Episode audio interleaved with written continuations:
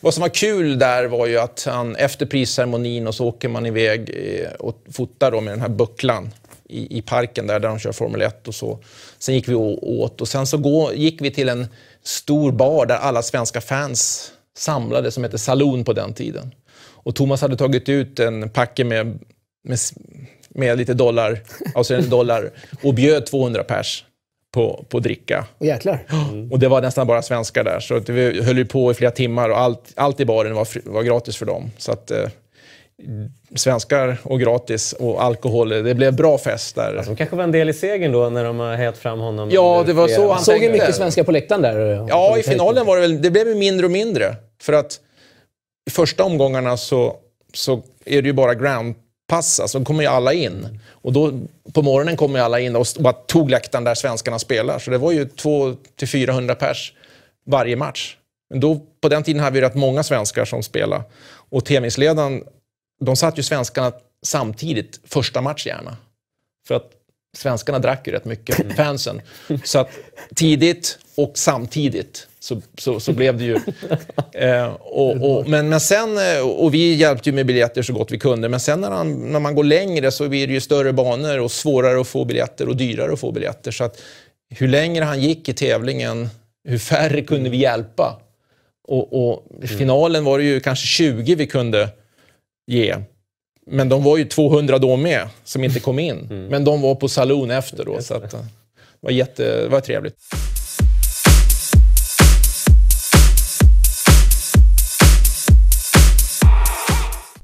Source, en podd om tennis och bäst av Magnus Tideman heter ett avsnitt med mig, Alex Theodoridis, Patrik Ragan och så givetvis huvudpersonen själv, Magnus Maggo Tideman. Vi har klippt ihop godbitarna av vårt tidigare tv-avsnitt med världsstjärnan Magnus Tideman och lovar här ett härligt samtal. Mig når ni på Source-podden på Twitter eller på alexandersnabla.tennispralen.se. Nu tillbaka till avsnittet som vi alltså valt att döpa till Bäst av Tideman. Mycket nöje!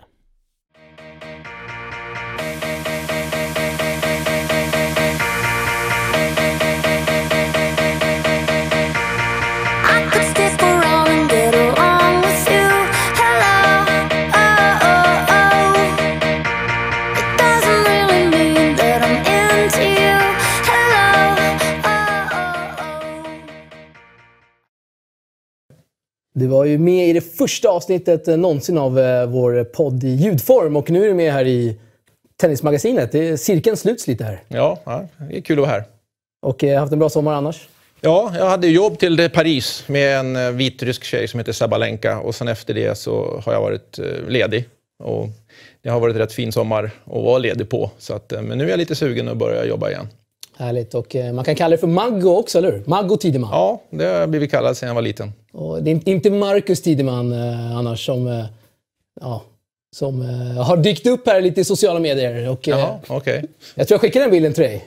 Ja, jag kommer, ja, jag kommer inte ihåg. Fast, Ja, ni som undrar vad vi pratar om. Som man, Maggo såg lite annorlunda ut där på den bilden Ja, det gjorde han. Ni får eh, kolla här i, ända till slutet av programmet så får ni helt enkelt eh, få reda på det. Och eh, där har vi dig Magnus Tideman. Eh, Ja, jag hade Bra lite, lite mer hår hade jag på den tiden, ser jag nu. jag tror vi har en video också när en viss eh, svensk slog in en matchboll i en Grand Slam.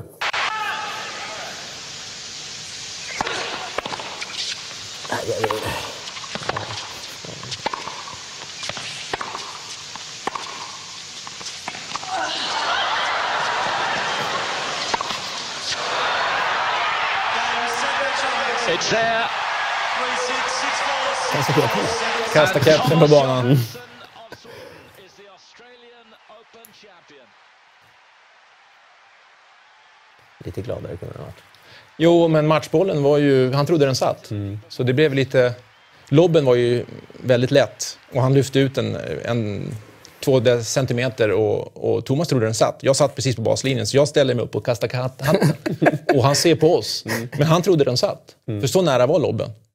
Och det är ju en otroligt dålig stoppboll och han puttar den otroligt dåligt tillbaks. Så han, för han var jättenervös. Eh, Thomas var ju nästan sällan nervös i, i matcherna. I början på matcherna kunde han vara det och helst när han, när han var favorit.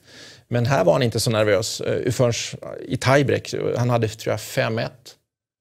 Och, och så nervös har jag aldrig sett honom. Var, då, då kände han att... Och den här sista bollen var ju flyt att han vann. Annars, eh, Jag vet inte, ser man den igen här? Här kommer den igen. Vi Ja, du ska se det. på reprisen. Det är så dålig stoppboll av Safin först och sen att han puttar den här. Ja, Man ser ju knappt bollen för det första. Nej, Grön där, där. Kolla, kolla. Och sen han, istället för att slå så lägger han den bara... Och sen här... Så han tror den sitter. Till 5-6. Och, och Safin servar, så att det är ju rätt viktigt. När du ser dig själv fira sådär, vad, vad gör sådana här bilder med dig efter?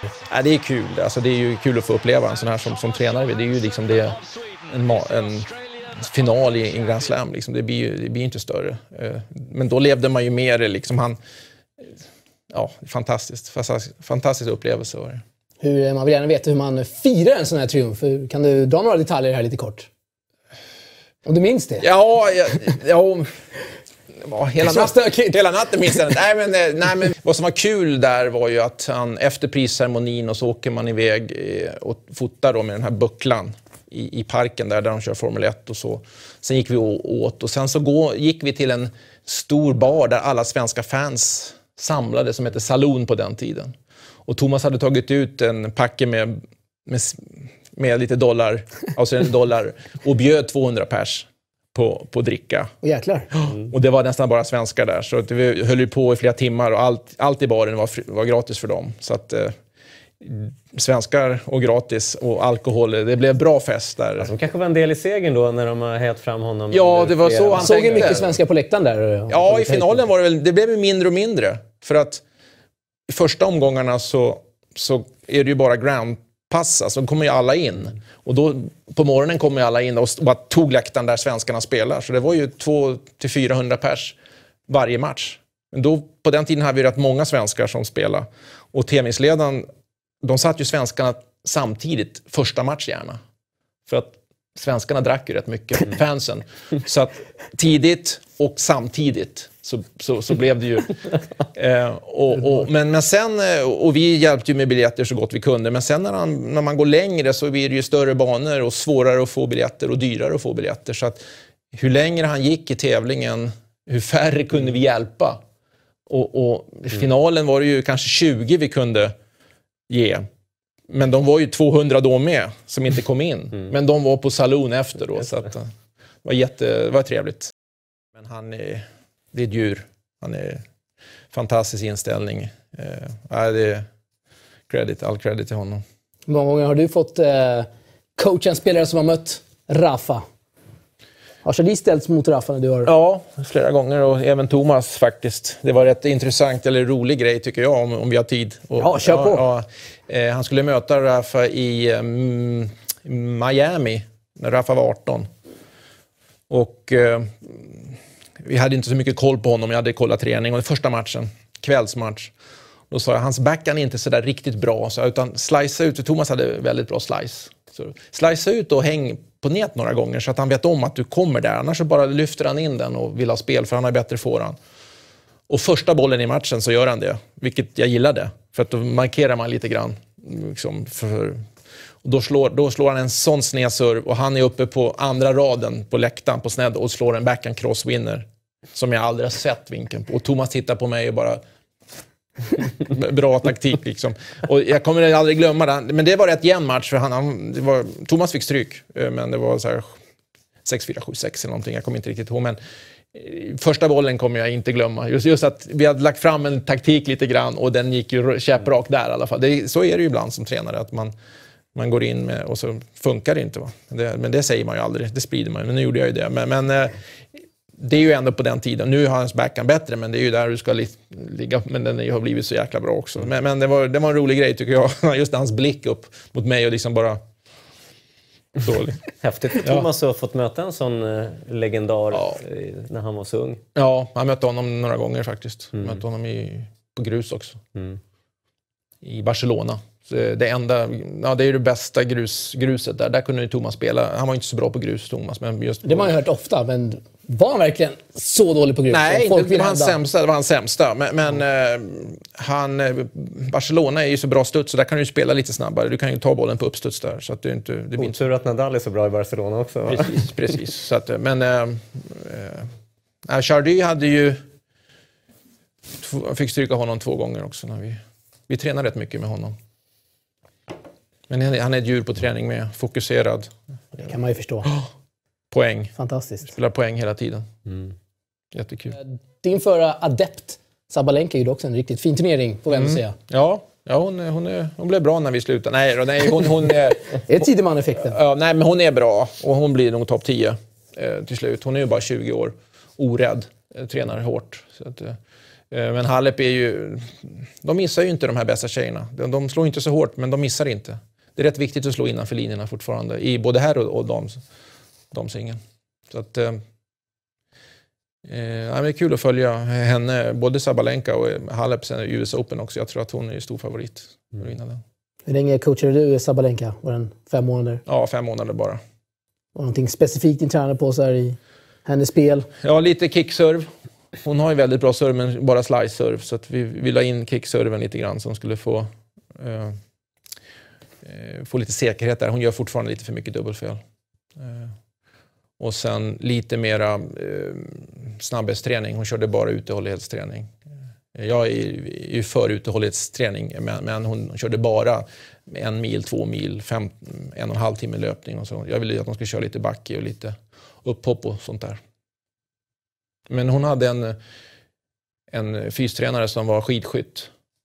Och han tyckte bara man skulle köra en timme. Och, så. och jag, det finns ju ingen tränare alls som kör så långt. Jag, jag, jag vill att de ska köra långt. Men, men det där var ju extremt långt som hon körde. Så det blev en clash där kan man nästan säga, eller? Mellan... Mellan dig och eh, fystränaren? Ja, han kickade vi direkt. Så att, Ja, Okej, det var så alltså. Ja, Han aldrig blir det. nej, det, det hann aldrig bli Precis. det. Nej, men, det var, nej, men hon fick inte vila heller någonting. Hon fick, eh, hon fick eh, ingen off-season, alltså tränare. Hon, hon kom från Indien och hade vunnit en tävling och fick åka och köra skidor, skidskytte dagen efter. Liksom. Det, efter en hel säsong så borde, borde man ju ta i alla fall tio dagar lite ledigt kanske. Men, men nej, det blev, det blev inget bra. Nu var hon ju det. Hon, hon är ju tränad och så, så att han har väl gjort många bra grejer också. Men, men det, det blev en clash, ja. Det, det kanske är fysiken som inte håller riktigt för, för fem. Och det är en bra fem poäng, för slams har de ju inte levererat ännu. egentligen. Nej. Nej, intressant faktiskt. Mm. Och jag tror det är lite grann fysnö. Det är, det är inte så mycket löpning. Tennis är ju löpning. Jag, jag, jag är ju för löpning alltså, utanför banan också. Men många fystränare är ju super emot att springa. Faktiskt. Det är så? Och, och jag tror att man behöver springa för att det, man ska göra allting tycker jag. Men, men som, det beror på hur man är byggd. Du ska inte, ut- Karlovic behöver inte ut och springa Nej. på olika grejer. va. Så att, eh, men, men eh, det är ju inte fel att springa ibland långsamt en, en timme. Du blir ju inte långsam av det. De tror ju det. Jag tror att många fystränare vill ha dem i gymmet för att ha koll på dem. Eller springa mer. Det borde vara ännu bättre. Men det, jag, jag, skulle vilja ha lite mer löpning. Ja, intressant. Du löper ju Men, en då, men då pratar vi ju inte om... De, Nej, gör, nej. de här är ju, de löper ju. Alltså, men jag tänkte just i svensk Generellt. tennis, om vi kommer in på det sen kanske. Men, men, men det är lite fult att springa, har det blivit tycker jag. Ja, vi snackade om det i Umeå bland annat. Jag läste intervjun igår. Där sa ju just, Mm. du just det att det, det är inte fult att, att löpa och inte köra i backe heller. Just 10. Så bra som det har gått för dem nu med en vinst och en, en semifinal. Kanske får se en dubbelsatsning, kanske. Ja, det Jag fick den frågan. I, på Twitter tror jag. Eh, och det är självklart bara upp till dem och hur, hur de vill lägga upp sin satsning. Men eh, kanske inte helt fel att just göra den. Jag vet inte, vad tycker du Magnus? För det, det känns som att det finansierar ju ändå eh, singelsatsningar på något sätt. Att missar man kvalet som här nu, eller missar huvudtävlingen som Mackan gjorde, nu kommer man ju med ändå. Men då har man i alla fall dubbeln och så får man lite pengar där och så har man, tar man dem till nästa resa. Och, Mm, ja, nu ska jag vara lite tråkig här, men jag tycker inte det finansierar någonting. Jag tycker det är så lite prispengar i dubbel att de går back hur de än gör. I dubbel måste det vara topp 30 för att tjäna pengar. Tyvärr. Ta en sån som, som ligger runt 100. Som, liksom, det finns ju, du, du går ju back och då är det bra. Dubbel är kört, tycker jag. men Jag det, är- nej, ju ändå jag mer, det är ju ändå mer pengar att, att vara kvar i dubbeln än att åka vidare till nästa Ja, tävling utan att spela en match på en vecka. Kanske ännu billigare att åka hem om, du, om det är sista tävlingen. Men, men, men eh, jag gillar dubbel och jag var bättre i dubbel själv. Eh, Och jag tror att det är bra för singel att spela dubbel, men det är så lite prispengar. Det är alltså 10% av prissumman att dela på. Så det är ju 75 dollar ungefär i den här tävlingen. Alltså det, det är vad det kostar att gå ut och käka där nästan. Och Det, det, tyvärr, så det är så lite, men du, jag ska förklara det här rätt så att det inte blir missförstånd. Satsa på dubbel. Det, det, det är tufft alltså. Det, det, ta en sån, vi har haft eh, några stycken i Sverige nu som, som har legat eh, Brunström. Tar du hans år, karriär Priceman är delat med alla år, minus skatt i de länderna och skatt i Sverige. Det, det, och han var bra. Ja, Alltså, det, det, det, självklart. Eh, jag försöker inte vara negativ här någonting. Nej. Och jag, han är bra och de här är bra och så, men det, du måste ligga 20-25. Mm. Lindstedt tjänar inte så mycket pengar nu i år och förra året. Han, han gjorde det när han låg högt Mm. upp. Det är tufft i dubbel. Singel med, om du jämför med andra sporter. Eller inte alla sporter, tennis är ju mer än många, många sporter. Men dubbel och börja satsa på det, då kanske det kan vara bättre att börja plugga eller jobba. Eh, Mm. Tyvärr. Jag låter skitjobbig här. Är kanske, men- tips från coachen. Ja, tips från coachen. Ja, ja nej, men det, det, det, man satsar på singel tycker jag och sen så, så, så kanske man kan prova lite dubbel.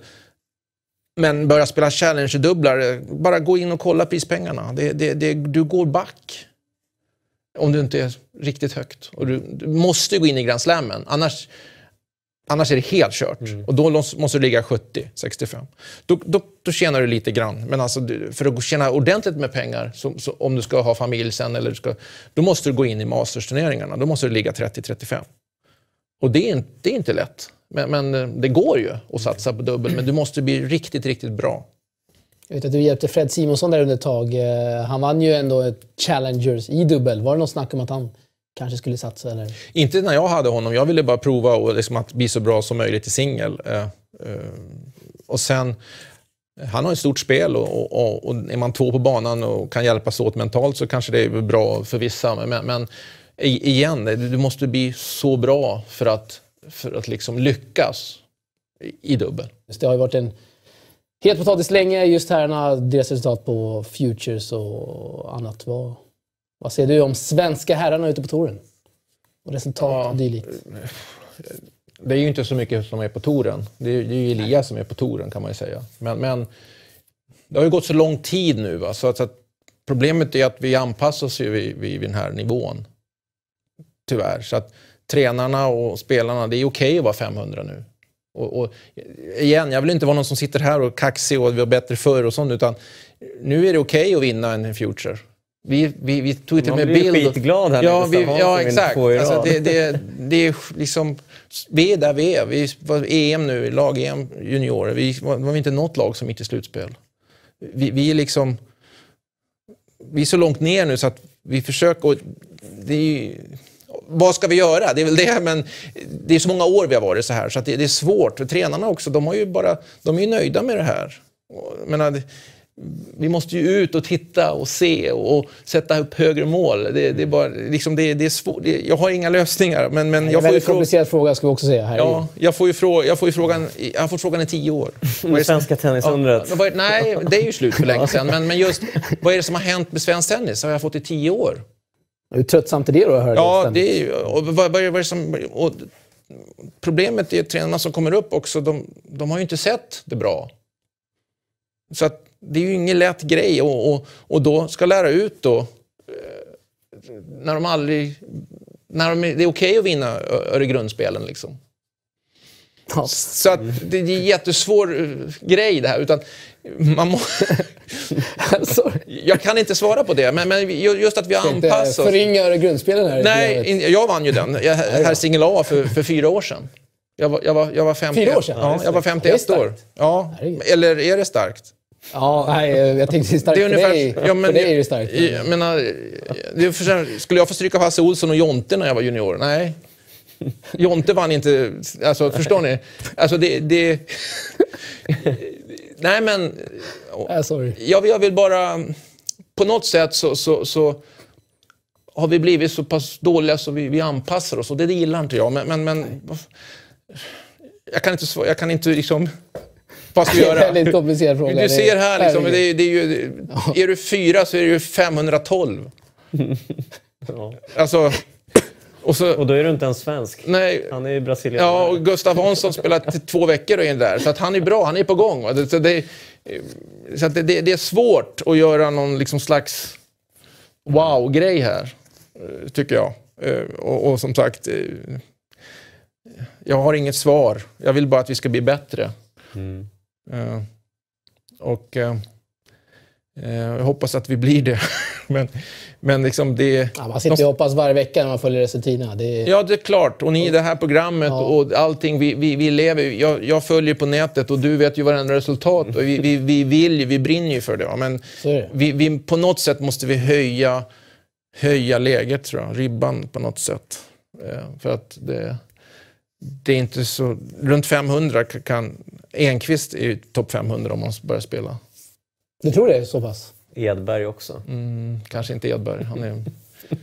Men, men, eh, nej, men, eh, och det är ingenting mot alla. Liksom, det, det, det är bara att det, det, det har blivit så pass låg nivå så att man kör backhand cross i en minut och så byter man. Man, man nöter inte. Jag brukar säga att Ta fotbollslandslaget nu till exempel, som gick till kvartsfinal. Vi har inte en spelare som, som är i någon högre liga. Men vi har en ruskig go och ruskig... Varför kan inte tennisspelarna börja spela så lite tråkigt? Backhand cross, backhand cross, backhand cross. forehand. Varför ska vi spela Zlatan? Vi har inga Zlatan i tennis. Vi kan ju börja jobba. Och det låter som man är gammal nu igen, men alltså det är ju Men är det där fortfarande fult inom det är jättefult att hålla på och, och gneta, så att säga, och grisa och lite. Ferrer-aktigt. Ja, det är, fortfarande. Ferrer, han har 31 miljoner dollar inspelade. Ja, alltså inte att förringa mot Ferrer, men det är ju... 31 miljoner dollar. Han, ja, han slår inside out foran. Eh, eh, Det kan vara värt att göra det för de pengarna. Ja, det är det jag säger. Det är inte fult. Spelar du som Pim-Pim, då ska du dra på alla bollar. Är du så stor alltså, så, men är du inte så, så måste du ju hålla lite grann i kulan. Alltså. I, i, vilka sammanhang hör man att det är, liksom, det är fult att hålla i? Och... jag tror inte att det är bara tennis. Jag tror att folk inte vill spela. De vill inte jobba. Man, man har inte så mycket tålamod längre.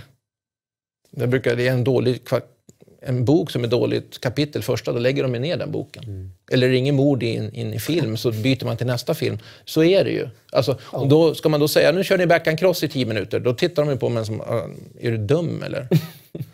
Jag vill ju köra där, där, där, där. Så, så jag vet, jag vet Mer backhand cross vill vi se Nej men, nej, men man kan ju utmana. Liksom. Går det dåligt så kan Plan B är ju att inte missa. Slå bollen mitt i banan. Det är ju en taktik också. Alltså. Och Sen tycker jag i och för sig att man ska spela... Nu går vi in på lite tennistaktik här. Att man, Kör på sig. Ja. jag brukar säga man ska ju spela första till sista boll samma. Slår motståndaren en för kort boll, ska den, då ska du dra bort den. Slår han en lång boll, då ska du sätta in den. Står det ett lika i tiebreak, eller fem lika i tiebreak, samma sak. Du kan ju liksom inte börja, när det drar ihop sig. Svenskarna förlorar ju 7-6 hela EM. Jag följer det lag-EM, jag är ju tennistokig. 12, 14-klassen, 16-klassen. Vi förlorar 7-6 varenda set. Och liksom, det, ju, det går inte att förlora 7-6 hela tiden. Fidde sa det också, han körde ju med det här gamla, jättebra grabbar, kämpar som fan. Det, var ju, det var ju mycket 7-6 förluster. Och då börjar liksom, många tränare tror ju idag att man måste chansa när det drar ihop sig. Man måste slappna av och, och, och, och, ta risker. Men för det första, Nadal och Federer, de är ju skitnervösa i slutet på seten. Alla är nervösa. Men de spelar ju samma boll hela tiden. Du ska inte ändra ditt spel när det, går, när det kommer tiebreak. För, Alltså, Okej, du sätter i krysset en gång kanske, en, men spela på korta bollar, då gör du så. Långa bollar spelar du så. Från första till sista boll. Det är simpelt alltså. Men många tränare, de, de slappna av och slå. Slappna av. Det gör de på YouTube-shotten.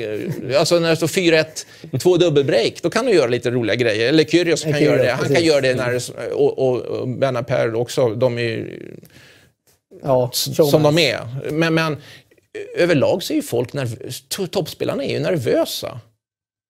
Kan du få en toppspelare att bli fyra lika, 40 lika, fem lika, 40 lika, då har du ju chans. För då börjar ju de bli tajta.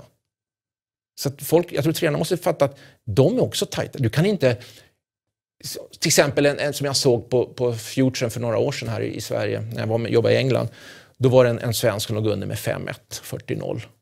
Och så var den andra serve, så gick han runt och slog en forehand, allt vad han orkade. Så här, tank, ge upp forehand i krysset. Då står tränaren och säger Sådär ja, avslappnat. och då, då undrar jag, alltså, hur i då såg man inte att han gav upp sättet redan där, men den satt, baseballfåran satt. Och då, då, då är liksom, jag, är, jag brinner då alltså. Men jag, jag var lugn. Jag är inte lugn hela tiden, men, men då är jag lugn. Men så får man inte vara. Du ska spela varje boll precis likadant. Sen kan du ta risker, vissa situationer och sådär, men, men alltså inte när det drar ihop. All, jag- tänk på det, att alla är nervösa när det drar ihop sig. Och, och då gäller det att, att kanske spela innanför linjerna, men vänta. Får du läge ska du dra, absolut. Spela efter dina resurser, inte bara liksom slappna av när det drar ihop sig. Ingen kan slappna av när det drar ihop sig. Vi pratar väl lite percentage tennis också, antar jag. Ja, ja absolut. Det är ju någonting Johan Hedsberg anammar väldigt mycket. Ja, för och sen Sportföretag. lite grann hur du, hur du där. Robin och Pimpim, extrema slag, alltså forehandbacken. Vi växte upp med dem några år, så tränarna trodde väl att man skulle spela så. Men de ska ju spela så. För ingen slog ju hårdare än dem. De slog ju nästan etta, tvåa i världen av hårdhets och Gonzales eller, mm. från Chile. Liksom, och då så tror ju tränarna att man ska spela. Det går inte. Om man inte ska två meter lång och, och, och rusk, långa armar och utväxling och allt sånt där. Så att jag tror att det... Jag försöker hitta allting, för jag vill verkligen att, att, att allting ska bli bättre. Men den här rankingen, det är, inte, det är ju telefonnummer rakt igenom alltså. Stort sett. Ja, där har vi citatet i det här programmet kan jag säga. Ja, det, Nej, men så är det. det herregud, det är, ja. det är ingen jätterolig titt på det här inte. Men eh, vi hoppas på bättre tider, eller hur Magnus? Absolut, och, och jag, jag hoppas inte folk tror att jag här, dömer ut tränarna och allting, men, men att vi allihopa tillsammans. Man får vara ärlig här, Och nu säger vi, och så är vi tränare utomlands, de flesta, så att det, det är ju, vi hjälper ju inte till så mycket heller. Så det är ju lite, eh, men, men man vill ju jobba på högre nivåer och, och, och, så är det ju liksom. Men, men eh, jag håller tummarna. Och eh, det har ju varit väldigt populär här, måste vi säga, Magnus, i eh, våra sociala medier när vi har skrivit eh, där vi har hintat om att du ska vara med i programmet. Det är över 20 frågor, minst. Kul. Jag kommer inte ta alla här, men det Nej. blir ett par frågor i alla fall. Första frågan här. Största talang du tränat?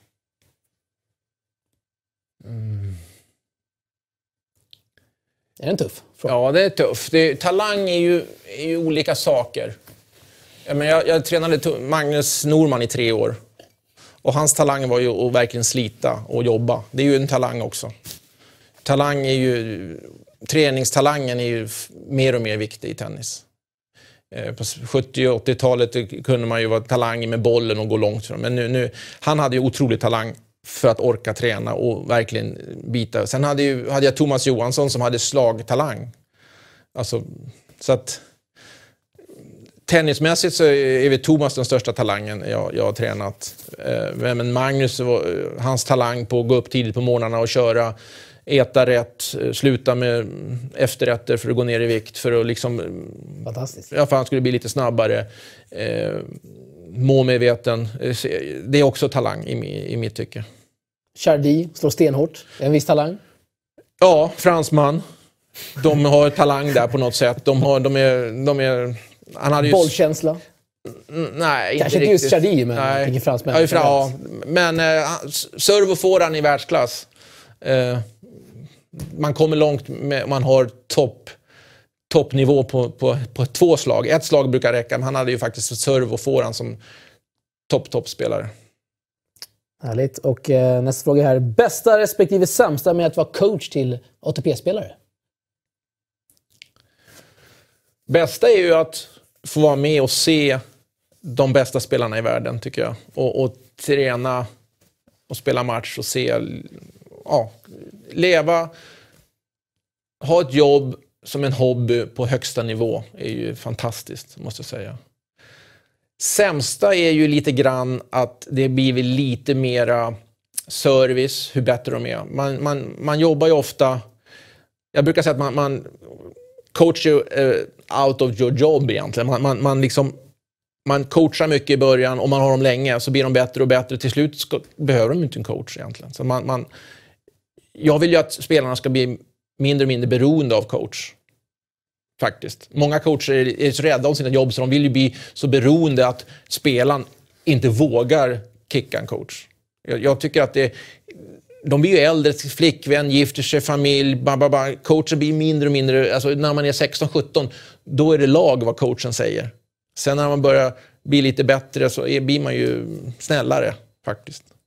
Jag, jag sa alltid, topp fem, innan du är topp 50 så bestämmer jag allt. Jag är, jag är lag, sa jag alltid. Sen när, när de blev topp 50 så då bara knackade jag på dörren. Nu, nu, jag tror jag vill sova imorgon. Fast de, de, de visste ju det. Att, att, men men eh, nu för tiden så är det lite slit och släng eh, med coacher faktiskt. Det har blivit... Man byter kanske mitt i säsong. Förut var det liksom, man bytte i oktober, november, så gjorde det, om man bytte och sen så gjorde man klart med, för nästa år. I, man körde december eh, där man bodde och sen åkte man till Australien. Nu, nu lite grann som fotboll och hockey, tre, fyra matcher förlust, så, så, så kickar man coachen. Det har blivit en liten kultur alltså inom Ja, i, nej, En i- trend kanske ja, i sporten sporten generellt. Ja, men generellt. Det, det, är- alltså, det är aldrig spelarens fel nästan. Det är alltid fy, agenten, fystränaren, tränaren. Eh, inte alltid ska jag säga, men, men, men det, det har blivit svårare... Eh, jag tycker att många tränare har blivit lite mesproppar för att de är rädda för sina jobb. Så att de har blivit lite snälla. Och, och blir man snäll så kan man inte göra sitt bästa jobb. Eh, eh, det tycker jag är lite tråkigt att se. Jag ser mer och mer att de är ja, de kanske uppför sig dåligt men coachen går tar dem på ryggen. Nej, det, det, det, var, det var domarens fel. Liksom. Istället för att kanske ta tag i problemet.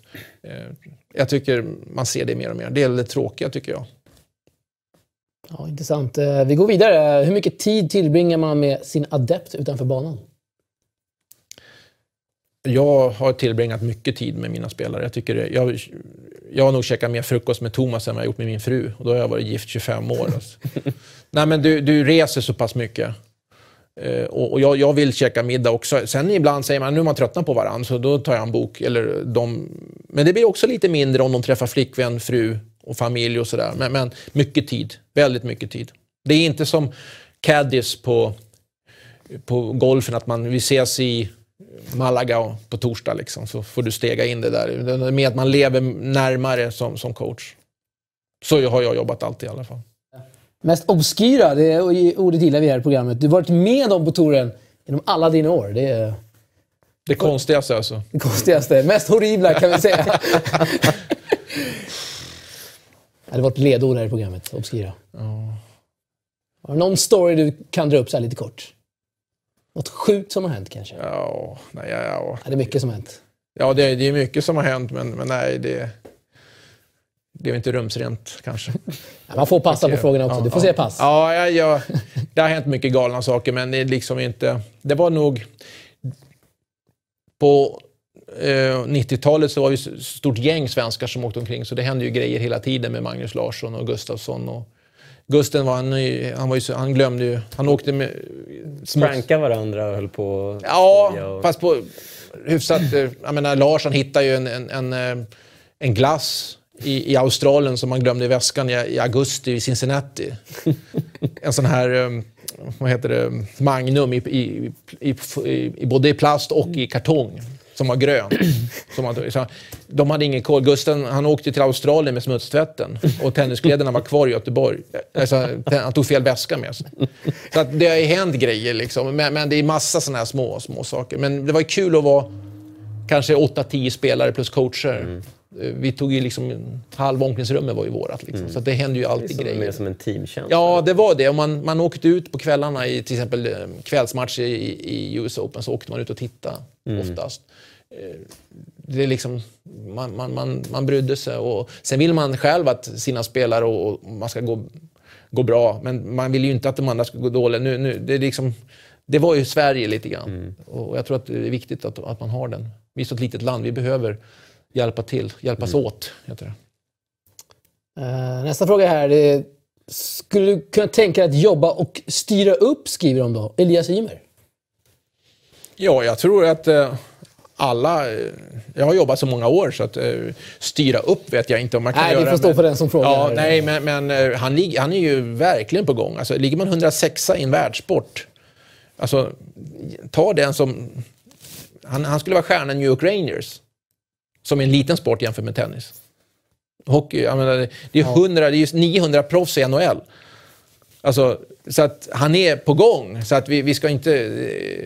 Han är bra. Han, han, kommer, han kommer gå ner på topp 100 och, och nu skadan blir bra. Så att Eh, jag hoppas... Vi behöver killar och tjejer som är inne i Grand Slammen så vi liksom får se på tv, lyssna och så att de andra eh, ser att det inte är så svårt. Nej, det behöver vi verkligen. Och eh, en eh, fråga som blev ställd på engelska när du såg att du skulle vara med i programmet. Varför slutade du att coacha Sabalenka och hur gillade hon att träna i Sverige? Hon gillade att träna i Sverige. Eh, eh, jag kom inte riktigt... Eh, eh, hennes sponsor ville börja åka med lite för mycket och ville, la sig i mer och mer. Eh, och jag vill, jag vill vara bestämma. Tills man är topp 50 som jag sa innan så bestämmer jag. Men nu blev jag ju topp 50. Nej, men han, han ville bära väskan och, och, och tyckte var, han, han, eh, han hade jobbat klart och ville, tyckte det var jättekul att sitta i players och börja prata om teknik och, och, och, och taktik och sånt där. Sponsorn alltså? Ja. Det är väldigt märkligt. Väldigt märkligt. Och, och där kände jag att inte jag riktigt orkade eh, komma emellan där. Och, och, normalt så brukar man vara sponsor i fotbollslag, då är man, då är hemma, då är ICA-fan runt, runt hörnet som sponsor. Någonting. Men man brukar inte åka med så mycket. Nej. Sen kan man åka på några stora tävlingar och så, det är helt okej. men, men jag tyckte inte ens hon behövde en sponsor eftersom hon drog in 5-6 mil om året. Du har inte, du har inte hört det ordet förut, obskyr? Inte? Nej. Ja, det ser man. Eh, Finns det ord? Ja, tror det. Vi har väl använt det hundra gånger i det här programmet. Eh, hur som helst, veckans mest obskyra har vi i varje program. Och eh, får se om du kan hålla dig för skratt nu. Eh, Marcus Tideman här, Sabalenkas coach. Men det, för det första så är ju inte du, eh, Magnus. Jo, det där är jag. Det är, du. det är eh, Tursunov va, som har... Ja, eh, han är fantastisk. Gått in i coachingrollen. Skön frisyr här. Ja. eh, Ja, det är tur. och syftet är på dig, men det är ju inte ditt eh, förnamn här. Nej, de har väl inte ändrat. Rätt, han började jobba rätt, rätt så... eh, De hade nog klart det innan, innan vi slutade där. Så att, eh, men han åker med lite grann nu. Och, eh, han, kan ju, han är ju ryss, amerikan-ryss, så att det funkar ju bra med språket också. Men han du träffa Tursunov? I, Jag känner ju honom sedan gammalt. Han spelar ju mot Thomas och, och mot Magnus. Och, eh, han börjar ju på damtouren i år också som mig, samtidigt i Australien, men fick kicken rätt snabbt av eh, Vestina, heter hon, Vestina från Ryssland. Hon som är bäst i dubbel i världen, eller var bland. Så att, eh, då var han ju ledig, så jag, jag, jag sa faktiskt innan, eh, jag tror att han kommer börja, för att de kände varandra lite grann också. Så att, eh, jag vet inte hur många veckor han kör heller, men, men det verkar ju funka. Det har ju gått bra. Ja, du får väl stämma någon på VTA här. eh. Nej då, det är bara kul. Lite reklam. det var kul. Jag behöver ju jobb. Tursunov har väl fått... Han har väl eh, varit mycket snack om att han har fått många så här, protected ranking va, genom åren. Jag tror han utnyttjar systemet till fullo. Ja, det gjorde han Ja, verkligen. det har ju... Det vet ju... Han cashade in där på några Grand. Slams. Ja, han på något sätt, vet, han, han måste verkligen veta om hur man ska göra för att få ut de största prispengarna. På, så. Eh, det är inte riktigt min stil. Men så är det. Vi är olika allihopa. And don't you feel like you've just been born? Yeah, you come to raise me up when I'm